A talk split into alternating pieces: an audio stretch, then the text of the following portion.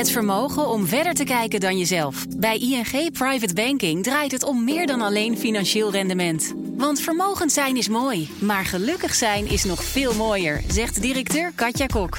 Wil jij weten hoe ING Private Banking klanten helpt om meer betekenis te geven aan hun vermogen? Je leest Katja's verhaal op fd.nl/slash partner slash ING.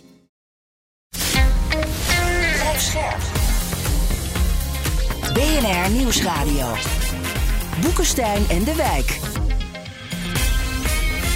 Hugo Reitsma. Welkom bij Boekenstein en de Wijk. Het is donderdag, dag 477 van de oorlog in Oekraïne. En hoe kan het dat Oekraïne niet 1 of 2 miljoen militairen kan mobiliseren? Dat vraagt ons luisteraar Victor. Hij zegt er wonen ruim 40 miljoen mensen daar. Er geldt een totale mobilisatie, neem ik aan. In de Tweede Wereldoorlog had Duitsland miljoenen militairen. De bevolking was wel wat groter, maar toch. Met dank voor jullie tijd. Nou, Nou, dat is een hele goede vraag. Hè? En eh, het is niet zo dat elke Oekraïner het leuk vindt eh, om te gaan vechten. Hè? Eh, v- vroeger was het zo, dan, weet je, dan kreeg je dus, de- je moest je dan eh, eh, gemobiliseerd worden en dan kreeg je zo'n papier in huis. En dat werd dan naar je huisadres gestuurd. En eh, daar moest je op reageren. Maar heel veel Oekraïners die verbleven dan ook op andere adressen. Dus datgene wat in Rusland gebeurde, heb je dus ook in Oekraïne. Wat op zichzelf wel interessant is. Hè? Nou, nu zijn er nieuwe regels. En nu kunnen mensen ook overal eh, worden gestopt en worden ondervraagd. Er staat een verhaal ergens dat iemand was betrokken bij een vechtpartij in Kiev, weet je wel. En de politie stopt hem en, en ontdekte van, ja, jij zou eigenlijk ook best wel kunnen vechten. En dan wordt hij gewoon naar het front eh, gestuurd. Nou, er zijn uitzonderingen voor studenten, voor ouders met drie of meer kinderen, voor invaliden, voor mensen die medische problemen hebben. Hè? Eh, nou, als je over de getallen praat, ehm, tussen de 124.000 en de 131.000 Oekraïnse soldaten zijn al gestorven. Dat is vijf keer meer dan Kiev ons vertelt. volgens mij is dat dood of gewond, toch? Dood of of gewond. Ja, gewond, ja. ja, ja. Ja, misschien wel- is het goed om even dan te kijken wat het ISS hierover zegt. Het Internationale Instituut voor Strategische, Strategische Studies in Londen. Eh, Want dat is, kijk, bijna iedereen baseert zich daarover. Hè? Dus je kunt eh, honderdduizend artikelen lezen, maar bijna altijd eh, komt het daar vandaan als het om dit soort getallen van. Nou, eh, vorig jaar, eh, bij de aanval, eh, aanvang van de oorlog, had Oekraïne 196.000 militairen onder de wapenen. Voor alle krijgsmachtdelen. Dus land, lucht en zee. Er waren 900.000 reservisten. En die 900.000 reservisten, daar zaten vrijwilligers, daar zaten territoriale eenheden en er zaten echte reservisten van de krijgsmacht. Dus het, wat hij zegt, eh, kan Oekraïne geen miljoen mensen op de been brengen? Dat kan. En dat eh, gebeurt dus ook. Pakweg het reservoir, als je het echt heel erg eh, optimistisch eh, eh, gaat eh, inschatten, dan is dat inderdaad pakweg ruim een miljoen. Iets in die geest is het. Maar je moet je realiseren, dat is niet allemaal landmachtsoldaten. er zit ook luchtmacht in, er zit ook marine in, er zitten territoriale eenheden, ga zo maar door. Na de mobilisatie zie je een verschuiving. Dus wat ik, die getallen die ik net heb genoemd, dat zijn de getallen van februari eh, 2022. En nu op dit ogenblik, even afgezien van het aantal eh, soldaten dat niet meer mee kan doen, omdat ze of dood of gewond zijn, eh, zie je dat nu na de mobilisatie zijn eh, afgekondigd.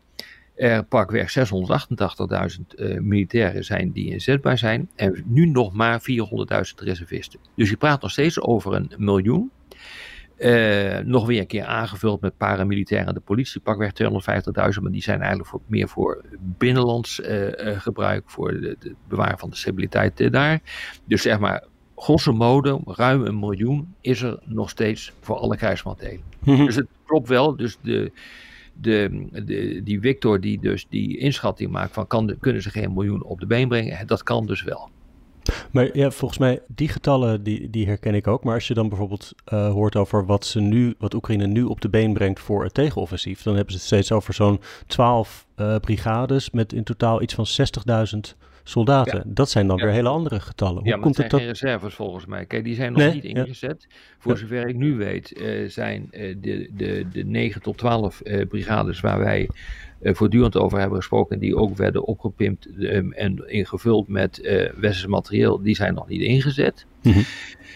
Ehm, dus, dus wat dat betreft hebben we nog een, een gedeelte te gaan.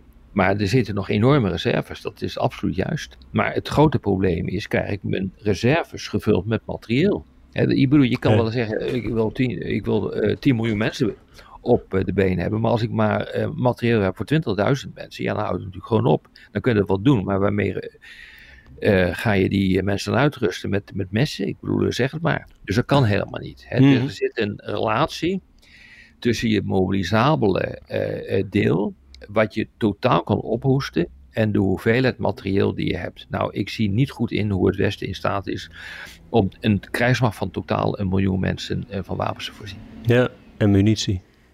En hoeveel, mensen hebben, hoeveel mensen hebben de Russen, Rob?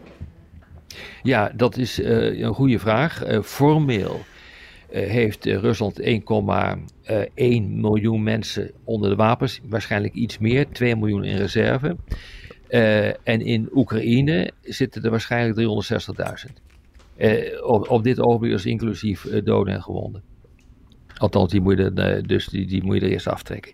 Dus zeg maar, dit soort getallen moet je dus moet je dus zien. Dus die slagorde in Oekraïne, daarvan lijkt het met slagen om de arm, omdat we niet helemaal goed de getallen eh, weten van wat er nou precies aan het front gebeurt. Maar het lijkt dat daar een evenwicht is tussen Oekraïnse en uh, uh, Russische troepen. Hm. Maar 100% zeker weten doen we dat niet. Dus als uh, Oekraïne een doorbraak wil forceren, dan zullen ze hun troepen moeten concentreren. Dan moeten ze troepen ergens anders weghalen en moeten ze mhm. op een doorbraakpunt uh, inzetten.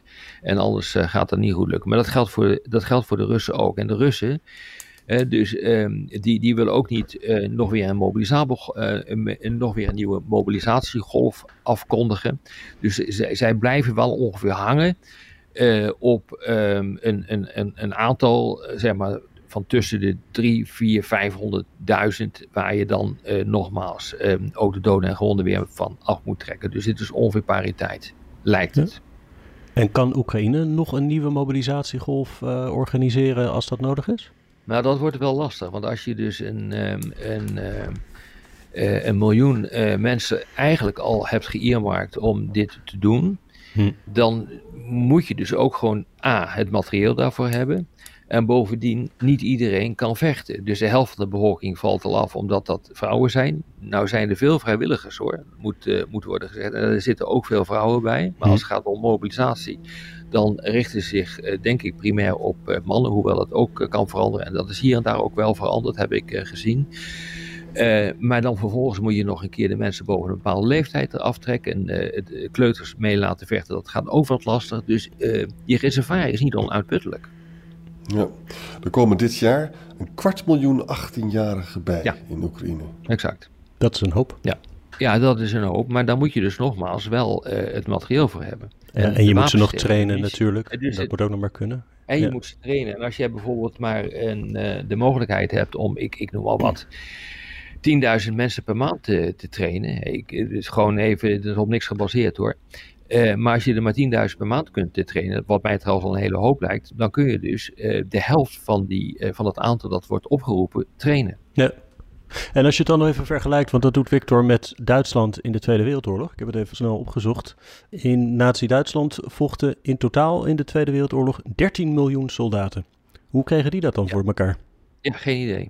Ja, die hebben dus echt gewoon alles ingezet wat, wat, wat, wat, wat maar kan. En eigenlijk iedereen in de leeftijd van, uh, uh, ja, van, een, uh, van waarin je als man zou kunnen vechten, dat, dat werd geronseld en werd ingezet. Ja, volgens mij aan het eind van de oorlog zelfs kinderen, toch? Ja, jongens van 15, ja. 16, ja. weet je wel? Ja, dan ga je dat doen. Als je dus niet meer kunt ja. redden, ga je dat doen. Dan ga je onder de 18 zitten. Ja, dan, dan, dan kan dat. Bij Stalingrad stierven kinderen. Oh. Dus concluderend? Concluderend, wat hij zegt kan.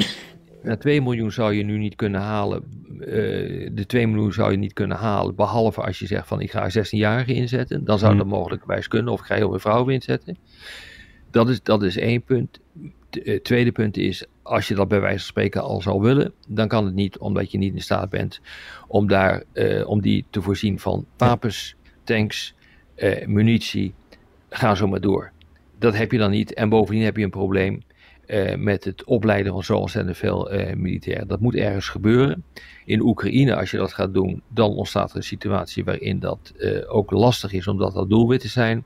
Dus dat zou je dan buiten het Oekraïnse grondgebied moeten doen. En dat gebeurt op dit ogenblik in Polen, maar dat is niet super indrukwekkend als het gaat om dit soort aantallen. Dus Oekraïne zal het op dit moment moeten doen met wat ze op het veld kunnen brengen, waarbij dan de hoop erop is gericht dat ze met betere wapens en betere tactieken toch de Russen ja, omver kunnen blazen. van de kwaliteit. Ja, het is echt, en dat hebben we ook al heel vaak gezegd, dit is kwantiteit versus kwaliteit. Dus de Russen die, uh, die uh, passen meer barbaarse ta tactieken toe, echte attritie, alles slopen wat je, wat je voor je krijgt. En de, de Oekraïners moeten het echt hebben van veel meer verfijnde technieken en veel meer kwaliteit. Oké, dank. Uh, wij spreken elkaar morgen weer um, met uh, Jaap de Hoop Scheffer. Ja, zeker. Dat is leuk. Ja, over uh, onder andere de NAVO. Hè.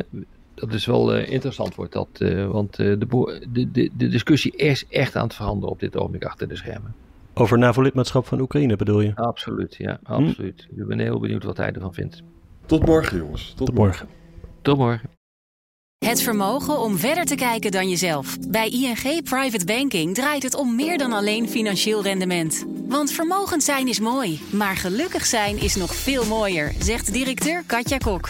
Wil jij weten hoe ING Private Banking klanten helpt om meer betekenis te geven aan hun vermogen? Je leest Katja's verhaal op fd.nl/partner/ing.